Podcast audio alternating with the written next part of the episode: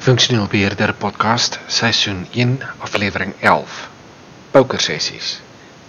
Hallo en welkom. Mijn naam is Michiel Erasmus. Je luistert naar die Funksioneel Beheerder Podcast. Vandaag gaan we weer hebben over een super praktijkgerichte podcastaflevering. Het gaat over pokersessies. Ik wil u nogmaals adviseren. Gaan kijken en luister liefst naar scrumguide.org, want daar staat al officiële informatie. Ik ga je alleen vertellen hoe je dit in praktijk moet doen. En je kunt het bij een ander bedrijf op een andere manier doen, maar hier is het gewoon uh, praktijksessie. Goed, bij die uh, pokersessie. Uh, mijn naam is Michiel Erasmus, nog wel Erasmus ICT. En planning poker is bedoeld om backlog items punten toe te kennen, zodat je inzicht in gewicht van, van backlog items krijgt.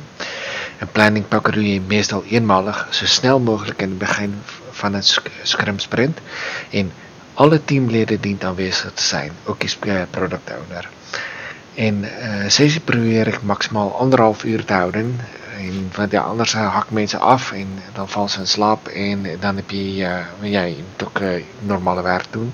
En beperkte concentratievermogen. En uh, dus oké, dus de eerste sessie. Uh, de bedoeling daarvan is om in velocity en items voor de sprint uh, punten toekenning per user story. En wat je nodig hebt is een lijst met user stories en Scrum pokerkaarten. Die pokerkaarten kun je soms van internet download. Dat is, het lijkt net gewoon op normale speelkaarten, behalve dit heeft cijfers op. En de lijst met user stories moet jy eigenlijk ook al paraat hebben. Dat zou door een informatieinlist uh, gemaakt worden. En je kunt hem op uh, twee of drie manieren doen. Eerstens is een Excel sheet.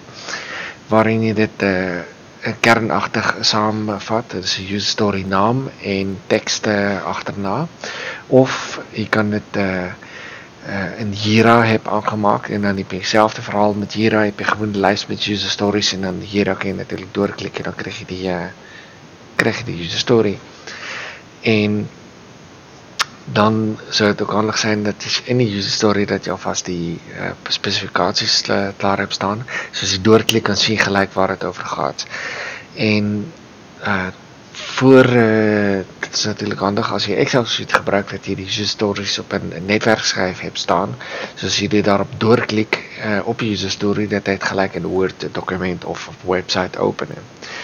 En voor user, voor die sessie begin dan krijg jy elke aanwezige krijg gewoon een pak uh, scrum kaarten en die gaat gebruiken bij pokeren dus die kaarte dan moet jy ergens maar Google eh, en dan kry jy kan jy kan jy kaarte download en dan gaan jy dit uitprint en uh, eh, op jou eie printer.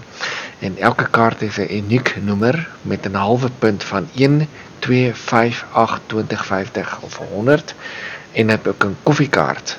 Nou die koffiekaart ek nog nooit gebruik, maar dit is waarskynlik dat mense gaan koffie drink en.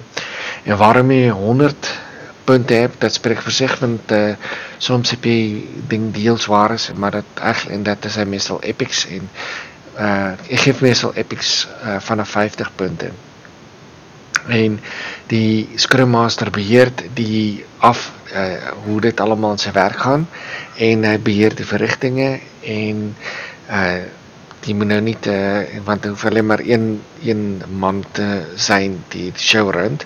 En die Scrum Master opent die verrichtingen door die Scrum board te laten zien en hy doet dit met lijst met user stories. En per user story open jy dan bijvoorbeeld story in Jira en laat jy team dit gewoon lezen en uh, ondertussen kun jy informatie in aan list uitleggen wat die bedoeling van zo'n user story is.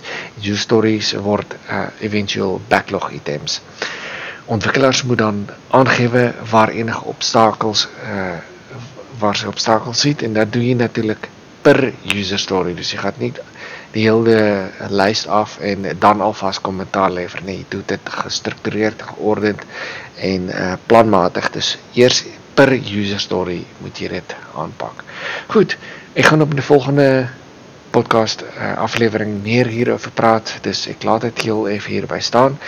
My naam is Michiel Erasmus van Erasmus ICT